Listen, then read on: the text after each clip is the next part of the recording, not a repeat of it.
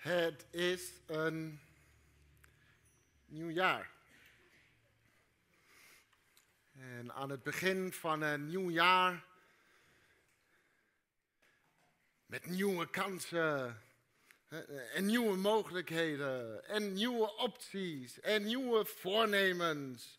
En het oude vergaan en het nieuwe gekomen hebben velen, denk ik, inmiddels nu al gemerkt dat alles gewoon verder doorgaat zoals gebruikelijk. Toch? Ik, ik, ben vergeten om een statistiek op te zoeken, maar uh, ik kan me voorstellen dat de meeste goede voornemens nu al gesneuveld zijn. Of, uh, nee? ik hoop het niet. um, want behalve een nieuw jaartal in de datum overkomt ons het nieuwe namelijk niet zomaar.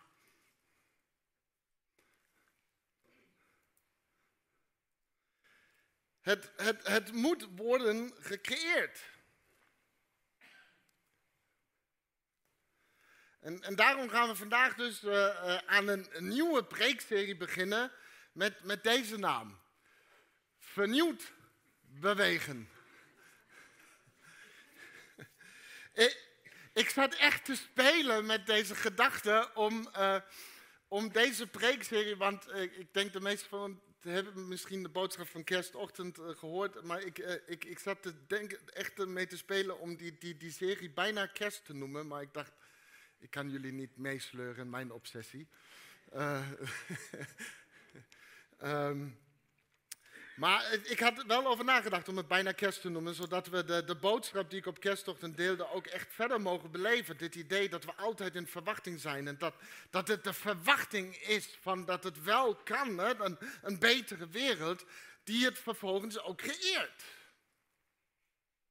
Het nieuwe moet gecreëerd worden. Maar ik heb dan toch voor deze naam gekozen, omdat ik wilde ook een beetje in de flow blijven van waar we volgens mij nu in zitten. Deze serie is dan ook een soort van voortzetting van bewogen bewegen. Um, dus een tweede seizoen. een, uh, een, een, een, serie van series. Een sequel, hoe je het ook wil noemen. Uh, dus, en dus in dit seizoen blijven we dan ook een beetje vasthouden aan het idee van onderweg zijn met Jezus. Uh, be bewogen beweging ging over bewogen zijn met elkaar, met anderen en, en de kwetsbaren. Het ging erom hoe we soms een bepaalde stagnatie misschien ervaren in onze geloofsgroei. En dan van anderen verwachten dat ze het voor ons fixen door misschien vormen aan te passen. Maar het zal er altijd weer op neerkomen dat Jezus bewogen beweegt onder mensen. En als je zelf weer in beweging wilt komen, dan moet je dat doen door mee te bewegen met bewogenheid daar waar Jezus dat doet. Dat is een hele serie, even heel compact. Dus dan kom je ook weer zelf in beweging. We keken dus naar allerlei verschillende ontmoetingen uh, uh, die Jezus had. En, en, en van deze ontmoetingen, ontmoetingen konden we veel leren over hoe bewogen te bewegen in deze wereld. Deze serie, dit seizoen, gaat over de, de nieuwe wegen die Jezus ging. Aan alle kanten brak Jezus met gebruikelijke manieren van denken, zien en horen, beleven en spreken. En, en hoe hij God voorstelde aan de mensheid was een volstrekte vernieuwing van hoe mensen het altijd ervoeren. Grotendeels omdat ze er zelf iets heel raars van, van hebben gemaakt. Dus de komende weken en met een aantal onderbrekingen uh, in de zin van ook goede onderbrekingen, want daar gebeurt het, wie weet het nog, eerste breek van een ander seizoen. Um, maar dus de komende weken gaan we samen kijken hoe we vernieuwd kunnen bewegen in deze wereld. Dus Jezus maakte een aantal reisjes, hij maakte een aantal trips als het ware. En, en op deze reizen gebeurde er van alles. Zo zien we bijvoorbeeld in het begin van bijna alle vertellingen dat, dat Jezus naar Betanië reisde, waar hij dan uh, uh, werd gedoopt door Johannes. Vervolgens maakte Jezus, uh, geleid door de geest, een trip door de woestijn, waar hij op de proef werd gesteld door de duivel. En dan keert Jezus vervolgens terug naar Galilea, vervuld van de kracht van de geest, hadden we het ook over gehad, waar hij zijn eerste wonder volbrengt en, en zijn bediening echt begint. En dat eerste wonder, daar lezen we over in Johannes 2. De versen 1 tot en met 12. En het heeft weer te maken met wijn. Op de derde dag was er een bruiloft in Cana, in, zeg ik het goed, Cana of Cana, Cana, Cana, in Galilea. En de moeder van Jezus was er. En ook Jezus en zijn leerlingen waren op de bruiloft, uitgenodigd. En toen de wijn bijna op was, zei de moeder van Jezus tegen hem: Ze hebben geen wijn meer. Vrouw, wat wilt u van me? zei Jezus. Het is een heel, ja, ik, kan, ik wil je niet lang, het is een heel liefdevolle, ah, echt waar. Hetzelfde woord wat hier wordt gebruikt in Grieks is ook het woord dat Jezus gebruikt voor zijn moeder aan het kruis. En aan het kruis zit hij echt niet te denken van vrouw, zie, huh? Nee, dat is echt heel liefdevol, geloof me. Maar Jezus zei, mijn tijd is nog niet gekomen. Daarop sprak zijn moeder de bedienden aan, doe maar wat hij jullie zegt, wat het ook is. Nu stonden daar voor het Joodse reinigingsritueel zes stenen watervaten, elk met een uh, inhoud van twee à drie metretten. En Jezus zei tegen de bedienden, vul de vaten met water. En ze vulden ze tot de rand. En toen zei hij, schep er nu wat uit en breng dat naar de ceremoniemeester. Dat deden ze. En toen de ceremoniemeester het water dat wijn geworden was proefde, hij wist niet waar die vandaan kwam, maar de bedienden die het water geschept hadden wisten het wel, riep hij de bruidegom en zei tegen hem, iedereen zet zijn eerst de goede wijn voor en als ze dronken zijn de minder goede, maar u hebt de beste wijn tot nu bewaard. Dit heeft Jezus in Cana in Galilea gedaan als eerste teken. Hij toonde zo zijn grootheid en zijn leerlingen geloofden in hem. En daarna ging hij naar Capernaum met zijn moeder. De reis ging door. Zijn broers en zijn leerlingen. En daar bleven ze een paar dagen. Nou, dit was dus het eerste wonder dat Jezus het deed. Niet heel spectaculair en de meesten waren te bezopen om het mee te krijgen. Um, dus het is een beetje een, een lullig uh, begin van je bediening eigenlijk bijna. Maar er gebeurde wel echt een wonder. En het is niet onbelangrijk wat hier gebeurde. Want we weten dat Johannes sowieso uh, uh, niet in chronologische volgorde schrijft de meeste tijd, maar meer in, in een geestelijke volgorde als het ware. Wat, welke, welk verhaal sluit goed aan in de boodschap? Wat moeten we als volgende horen en leren? Dus dit verhaal heeft een message, niet alleen een, een geschiedenisboek dingetje. Dus er gebeurde hier iets. Want wonderen zijn niet alleen, en, en, wonderen, laat me dit even zeggen, zijn niet alleen bovennatuurlijke gebeurtenissen, maar het zijn momenten waarin Gods kracht gedemonstreerd wordt. En bijna elk wonder dat Jezus deed, was een vernieuwing van gebroken schepping zicht herstellen. De verlamden gingen weer lopen en zelfs het herstellen van leven in de doden. Dus we geloven dan ook in Jezus, niet omdat hij Superman is, maar omdat hij de God is die zijn schepping voortzet. Zelfs of juist in degene van ons die zwak zijn, arm, gebroken, verwaarloosd, blind, doof of welke nood het dan ook is die een recreatie nodig heeft. Een nieuwe schepping. En dat is dan ook precies het punt van dit hele verhaal. Johannes zet de toon met dit verhaal van waar het om draait, waar het over gaat. In een andere evangelie vinden we dit verhaal namelijk niet. Maar Johannes gebruikt het om duidelijk te maken, hier gaat het om recreatie. Niet recreatie in ontspanning, maar her, je snapt hem wel. Dus Jezus gaat hier een nieuwe weg insteken. Een nieuwe weg. En hij maakt het duidelijk vanaf het eerste moment. We zien het al in de interactie tussen hem en zijn moeder. Nogmaals, moeten we niet lang bij blijven hangen, maar uiteindelijk is het punt van dit gesprek dat het zijn vader in de hemel is die zijn agenda bepaalt en niet zijn moeder op een bruiloft. Um, en ergens doet ze het dan toch.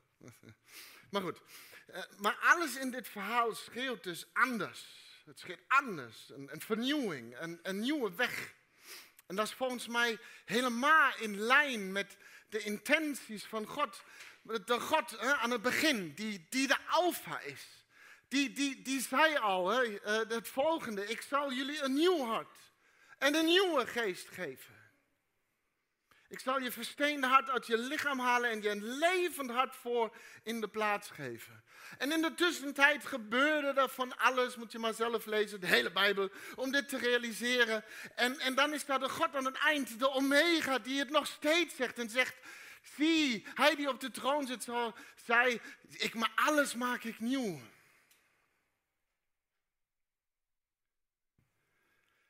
We hebben dus een God die van vernieuwing houdt en hij, en, hij blijft er maar mee bezig. Hij blijft er maar mee bezig. En ik hoop dan ook dat we ons realiseren dat nieuwe schepping zijn geen conditie is. Zo, dat is een beetje net zoals ik ben gered. De vraag is niet ben jij gered of niet. De vraag is leeft Jezus in jou of niet. Dus nieuwe schepping is niet weer een nieuwe conditie zoals gered zijn, een staat van bestaan. En tuurlijk, Paulus zegt iedereen die in Christus is, die is een nieuwe schepping, is een nieuwe schepping. Maar iedereen die in Christus is, is een nieuwe schepping die constant onderweg is. Want Jezus volgen is, is onderweg zijn. Nieuwe schepping schept nieuwe schepping. Nieuwe schepping is dan ook veel meer een manier van leven, een, een manier van zijn, een, een nieuwe weg in plaats van een conditie. Dat hadden we al. Hoor je erbij of niet? Ben je gered of niet? Het is oude verbond bijna, zou ik zeggen. Dus met het allereerste teken, sorry, van laat Jezus zien, jongens, dit wordt leuk. Want alles wordt anders. Oh, en wij haten het. Een hekel aan vernieuwing. Toch? Iedereen heeft een hekel aan vernieuwing. Want je hebt zo je best moeten doen misschien om een bepaalde verandering te bereiken. En dan heb je het eindelijk bereikt. En dan mocht er niemand aan rommelen. Want jij hebt dit bereikt en veranderd. En vingers af. En twee jaar later was het de nieuwe traditie. En jij was toch zo'n reformer, zo'n veranderaar.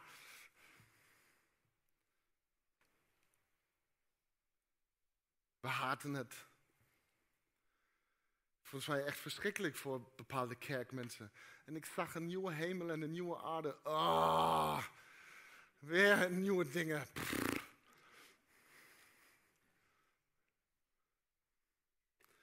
Jezus zegt, alles wordt anders, dit wordt leuk. hoe, hoe laat Jezus dit zien? Het is te vinden in een vers waar we vaak weinig aandacht aan besteden, want het lijkt onbelangrijke informatie, maar blijkbaar vond Johannes het wel belangrijke informatie. En, en daarom noemde hij het ook. We hebben gelezen, nu stonden daar voor het Joodse reinigingsritueel zes stenen watervaten, elk met een inhoud van twee à drie metretten. Dus tussen de 80 en 120 liter. Dus dat waren, zoiets, ja, zal wel, grote dingen. Het zijn dus zes watervaten, heb je hem gehoord? Die gebruikt werden voor het Joodse reinigingsritueel. Ja? Het, het, zijn, het, het zijn zes watervaten die ze gebruikten, zeg maar, voor dat, dat Joodse reinigingsritueel. Snap je? Ja? Het waren zes vaten voor water die de Joden gebruikten voor het reinigingsritueel. Jullie snappen me? Ja, nu duidelijk, want hier is het punt. Jezus verrichtte zijn allereerste wonder in een religieus voorwerp van het Jodendom.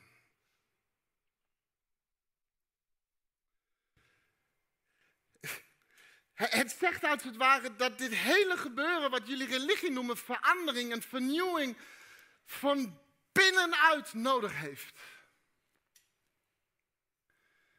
Jezus gebruikte een voorwerp, een vorm van de oude religie en vulde het met iets nieuws. Een nieuwe weg. En, en we hebben dus nieuwe wegen nodig om te gaan. Een, paar weken geleden waren we met een paar mensen van de bestuursraad bij de, de Global Leadership Summit, uh, een, conferentie over leiderschap. En een van de sprekers die, die triggerde mij met een bepaalde uitspraak. Uh, hij zei, en het is een beetje vrij nu vertaald, maar hij zei, het oude model is defect. Volgens mij zei hij, de oude soundtrack is defect. Het oude model is defect. Het oude verhaal is gebroken.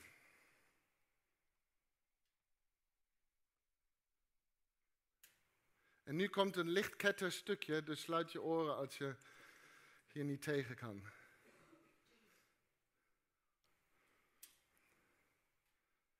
Het oude verhaal is gebroken, maar we blijven het maar vertellen in de hoop dat het toch weer een keer gaat werken.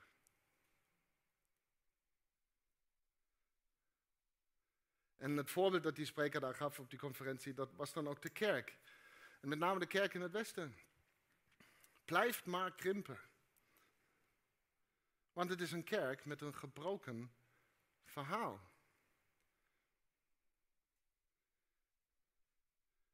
En ergens denk je, het moet toch duidelijk zijn dat het oude model niet werkt, maar toch.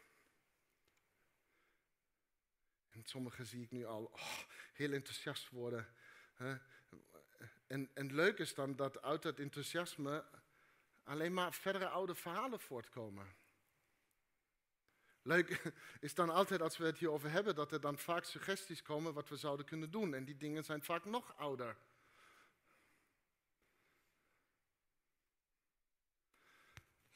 We hebben vaak dus blijkbaar ergens een gebroken verhaal. En ik heb dat recent heel erg ervaren en gevoeld. Ik zat dus in een dienst in Duitsland. En er stond een jonge gast te preken.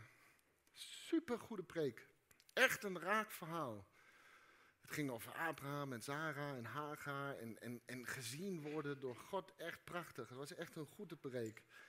Maar dan, daar was het weer. De, de, conclusie van het verhaal was dan toch weer. Je bent waarschijnlijk erger dan je denkt, maar gelukkig, je bent waarschijnlijk ook geliefder door God dan je denkt. Ons oude model, ons gebroken verhaal blijkt altijd weer te zijn dat we mensen een probleem aanpraten om hen vervolgens een oplossing te bieden. En, en misschien jullie vanuit heel dogmatisch strenge kerken, jullie weten het meer en beter dan anderen. Jullie kregen de, de, de zonde met boter op het lijf gesmeerd.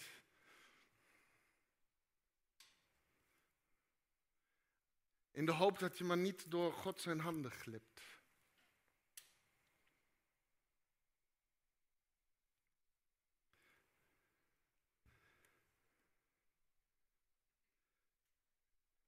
Daar was het dus weer. Je bent echt heel erg, maar God houdt gelukkig echt heel veel van je. En ik worstel hier steeds meer mee. En ben dus ergens op zoek naar een nieuwe weg. Ik blijf dan ook maar het bekende verhaal steeds, steeds lastiger vinden. Mensen moeten dus in een liefdevolle relatie met Jezus stappen en Hem volgen, want anders vermoordt God hen. En ik vraag me dan af, en dit is een, de moeilijkere weg. De nieuwe weg is vaak heel ingewikkeld, want het bekende verhaal leeft al zo lang. Maar is er dan ook een manier waarop we mensen kunnen introduceren aan de ongelooflijke en overweldigende liefde van God, waar toch echt allemaal in geloven die we beleven, zonder hun met eeuwige straf te dreigen?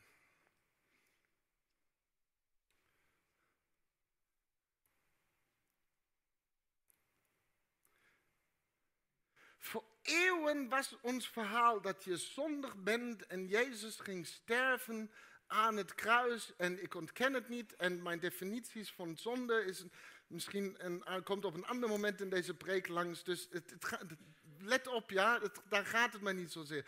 Maar voor eeuwen lag de nadruk op deze juridische eis die Jezus daar vervulde. Dat was die rechter en jullie, waren slecht.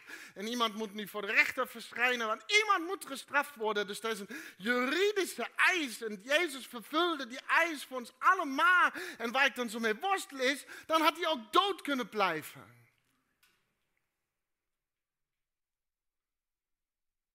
Want de juridische eis was vervuld. Iemand is gestraft. Gefeliciteerd met z'n allen. Vergeven. Dus ik worstel daarmee. Dat, dat we dus ook bij de avondmaal zo stilstaan bij de juridische eis. En we blijven dit verhaal maar herhalen, maar, het werkt niet. En waarom werkt het niet? Omdat het veel meer is dan alleen een juridische eis. Er, gebeurde daar zoveel meer. De, uitnodiging, de Lara zei dat zo mooi nog uh, gisteren, de uitnodiging is niet dood, de uitnodiging leeft. Jezus stond op uit de dood, zodat we een nieuw, een nieuw leven konden leven. Maar dat verhaal weten we moeilijk te vertellen. Dat is heel ingewikkeld, dat, dat nieuwe leven. Want ja, daar, daar vernieuwd bewegen, reet ingewikkeld.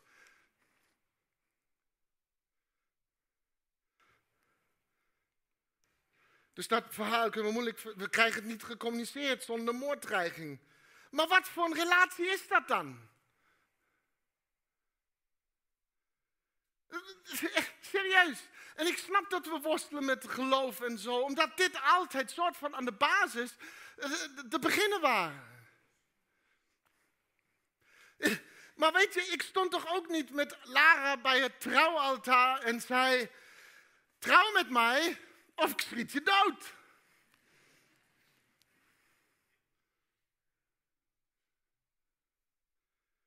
Tuurlijk zou ze ja zeggen als ik dat had gezegd, maar wat voor een relatie hebben we dan?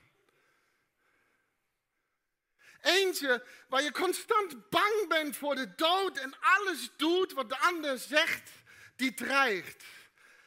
En dat is de relatie die velen hebben met God.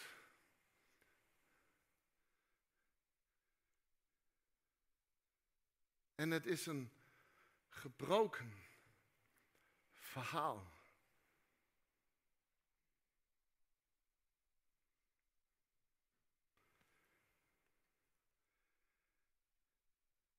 Hier eindigt het Ketterse stukje.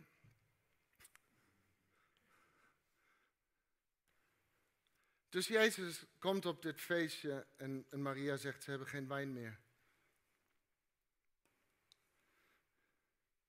En Jezus gebruikt hun religieuze voorwerpen en vult het met iets nieuws.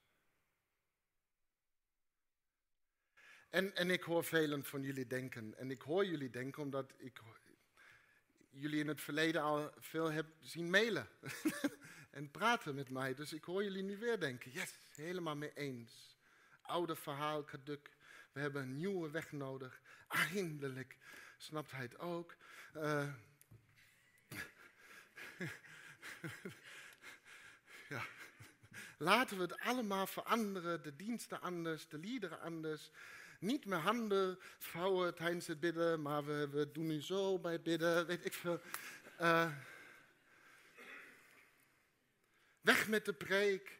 Korter de preek, langer de preek, weg met het avondmaal, weg met liederen zingen, ah, weg met, met al die oude vormen. We moeten het nu zus en zo doen en het zangteam moet eigenlijk altijd een handstand doen. En ik heb ook nog dit en dat idee van wat we zouden kunnen doen of anders doen of, of laten.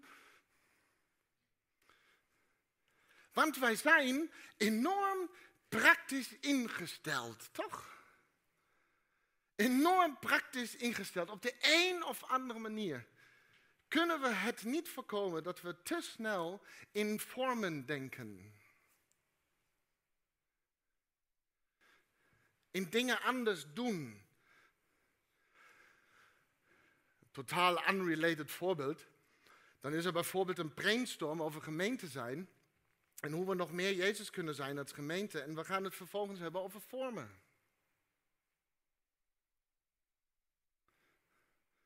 Maar, maar ik hoop dat we dit zien. Want wat als dit constant weer terugkomen bij vormen aanpassen juist het gebroken verhaal is dat we onszelf maar blijven vertellen.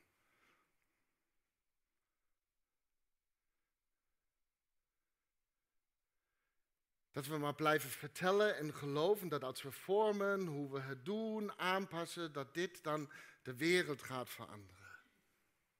Dat is ons gebroken verhaal.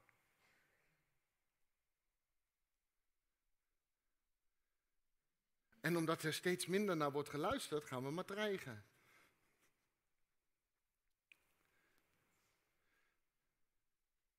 En hier is dus wat we moeten zien in dit verhaal van de bruiloft in Cana, van dit oude, oude, oude verhaal dat toch zo'n nieuwe weg laat zien van Jezus. Want Jezus veranderde niet de verpakking,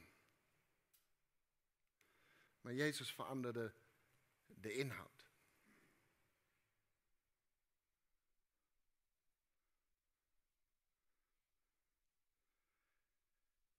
Jezus zei niet van, jongens, uh, ja, ik wil wel helpen, wat hebben we, waar kunnen we, uh, waar kunnen we iets in doen?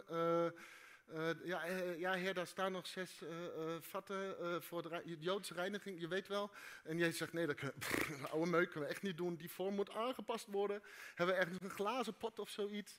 Nee, Jezus zegt, het maakt er niet uit hoe dat ding eruit ziet, maakt er niet uit wat het is. Maakt er niet uit of een dienst is om half elf of om half twaalf of s'avonds of vrijdag of weet ik veel wat. En we zingen de, zingen de liederen achter water en, en, in het Duits, dat zou heel leuk zijn trouwens. Maar, maar, maar dan zouden jullie allemaal echt enorm gezegend zijn. Maar het maakt allemaal niet uit. Jezus verandert. Jezus boeit de verpakking niet. Vanaf het begin ging het nooit om de verpakking. Maar om de inhoud. En Jezus zegt, nou vul die vaten maar met wat er altijd in zat en ik ga het veranderen van binnenuit.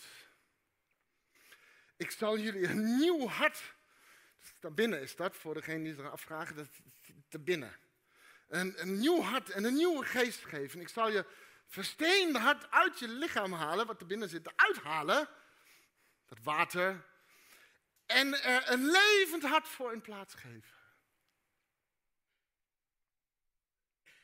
Jezus verandert de inhoud.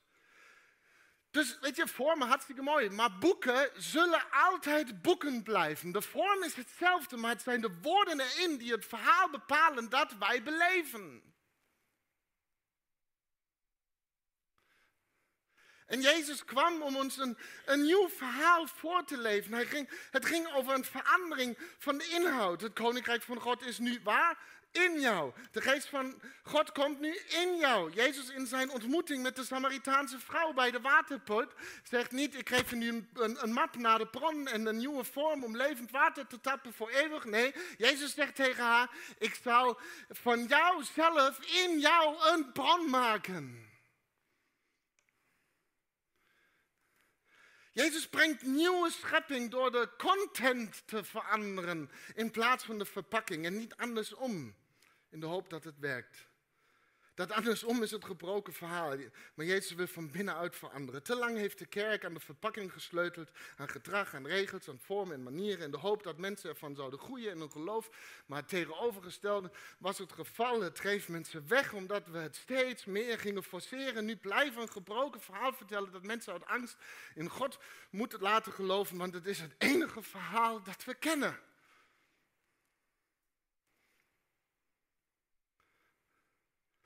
Maar niets verandert als we niet bij de inhoud beginnen. Dus Jezus zei tegen de bedienden, vul de vaten met water. En ze vulden ze tot de rand. Toen zei hij, schep er nu wat uit en breng dat naar de ceremoniemeester. Dat deden ze en toen de ceremoniemeester het water dat wijn geworden was proefde, hij wist niet waar die vandaan kwam, maar de, de bedienden die het water geschept hadden, wisten dat wel. Zei hij, oh, vet lekker. Veranderde inhoud kan best spannend zijn. Dat, dat zien we in dat stukje. Moet je even verplaatsen in die bedienden. Ze hebben dus net die vaten met water gevuld en dan gaan ze terug naar Jezus voor verdere instructies. En geen van hen had zich kunnen voorstellen wat hij nu tegen hen zou zeggen. Schep er nu wat uit en breng dat naar de ceremoniemeester. Weet je, Jezus heeft in de tussentijd die vaten niet aangeraakt of zo, uh, een bijzonder gebed gesproken, of wat dan ook gedaan. Uh, hij, hij vertelde hun verder niets. Voor, voor zover zij weten, vertelt Jezus hen om nu water. om nu water aan de ceremoniemeester te serveren, zodat hij hen dan in elkaar kan rammen. En dan, had ik graag hun verbazing gezien als ze toekijken hoe de ceremoniemeester een slok neemt van wat zij dachten wat water is. Uh, en ze geven dan hem en die gast staat daar en zegt, boah, is dat lekker. En ik, ik vraag me echt af, wat dachten die bedienden dan? Zegt, jongen, jongen, proef, dan moeten we Johannes vertellen, want dat moet hij straks in het verhaal zetten, want die zijn echt allemaal helemaal kachel.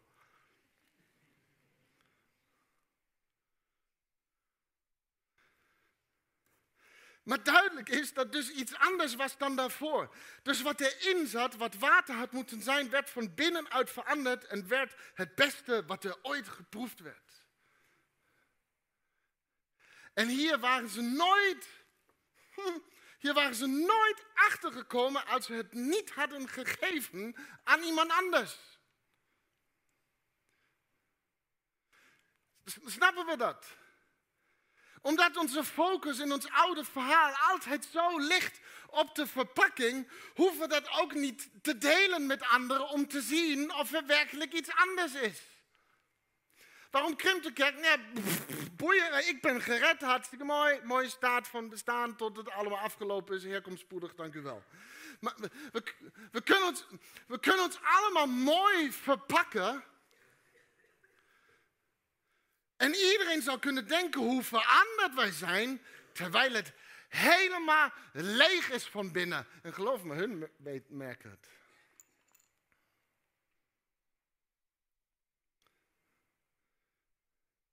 Maar de verandering van binnenuit wordt alleen zichtbaar op het moment dat we het geven. Schep er nu wat uit en breng dat naar de ceremoniemeester. Breng het. Breng het. Breng het. Je kan bidden en bidden en bidden. Heer, verander mij, maak mij een nieuw mens, vernieuw mij, halleluja. En je zou al die tijd kunnen denken dat er niets is gebeurd. Zie je wel, God luistert niet, mijn gebeden komen niet aan. Maar je moet het brengen. Pas dan zal je zien dat het er altijd al in zat. Breng het. In het Engels, bring it on. Kom op. Breng het. Het is er echt wel, want Jezus verandert van binnenuit en dan zal je het ook vinden. Als je in de spiegel kijkt, zal je het niet zo gauw zien, maar het is er wel. Die nieuwe schepping, dit nieuwe verhaal. En ik hou dan ook van Jezus niet omdat hij mij anders doodschiet, maar omdat hij de beste is die het beste in mij naar boven haalt. Dus iedereen hebben gelezen, zet zijn gasten eerder de goede wijn voor en als ze dronken zijn de minder goede, maar u hebt de beste wijn tot nu bewaard. Het is net de kerkgeschiedenis in een nutshell vanaf het eerste uur. Het was goed, dan werden we allemaal een beetje koekoek en was het opeens minder goed, maar dan was er het beste. En het begon van binnenuit bij de inhoud, een nieuw hart, een nieuwe geest. Het verhaal eindigt vervolgens met deze woorden. Dit heeft Jezus in Cana in Galilea gedaan als eerste teken. En hij toonde zo zijn grootheid. En zijn leerlingen geloofden in hem. Daarna ging hij naar Capernaum met zijn moeder, zijn broers en zijn leerlingen. En daar bleven ze een paar dagen. De discipelen geloofden in hem. Voor Johannes, die dat opschrijft, betekent dit dat ze zagen wat Jezus aan het doen was en ze begrepen het. Dus hier gebeurt nu iets nieuws, iets anders. Hun, hun begrip, dat weten we, was nog beperkt, zoals we weten, maar ze begonnen te begrijpen dat ze onderdeel waren van een nieuwe weg. Volgers van de weg is de vloek van hen vaak in, in, in, in handelingen.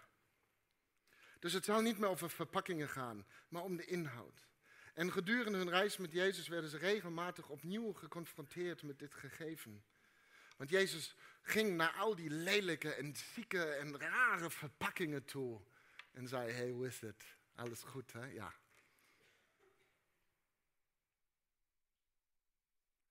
De onaanzienlijksten van hen. De lelijkste verpakkingen die daar waren.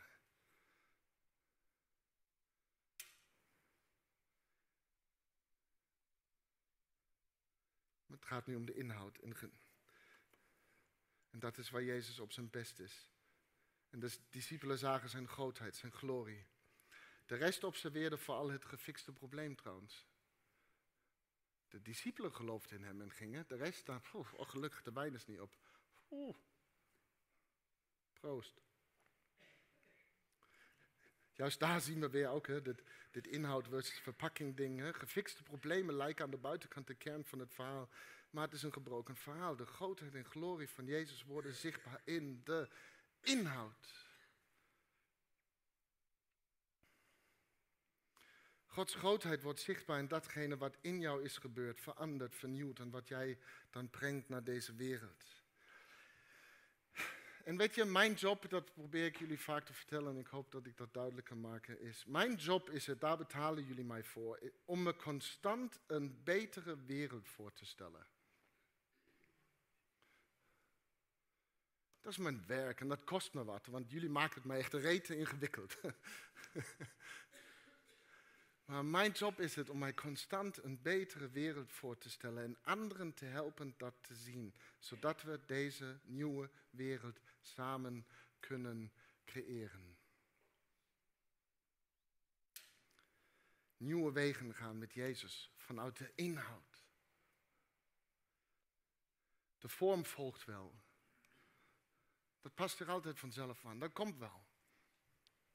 Maar het begint hier. En dan schrijft Paulus in 2 Corinthians 4, de versen 7 tot en met 10. Maar wij zijn slechts een lelijke verpakking voor deze schat.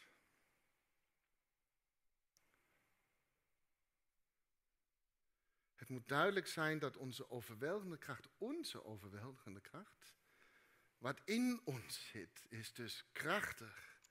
Niet van onszelf komt, maar van God. We worden van alle kanten belaagd, maar raken niet in het nauw. We worden aan het twijfelen gebracht, maar raken niet vertwijfeld. We worden vervolgd, maar worden niet in de steek gelaten. We worden geveld, maar gaan niet te gronden. Allemaal dingen die de verpakking kunnen overkomen.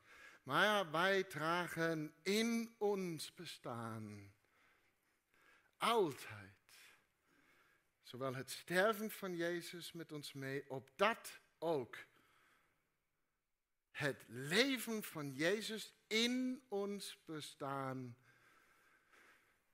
zichtbaar wordt. Had ik het in het begin voorgelezen, hadden we het niet begrepen.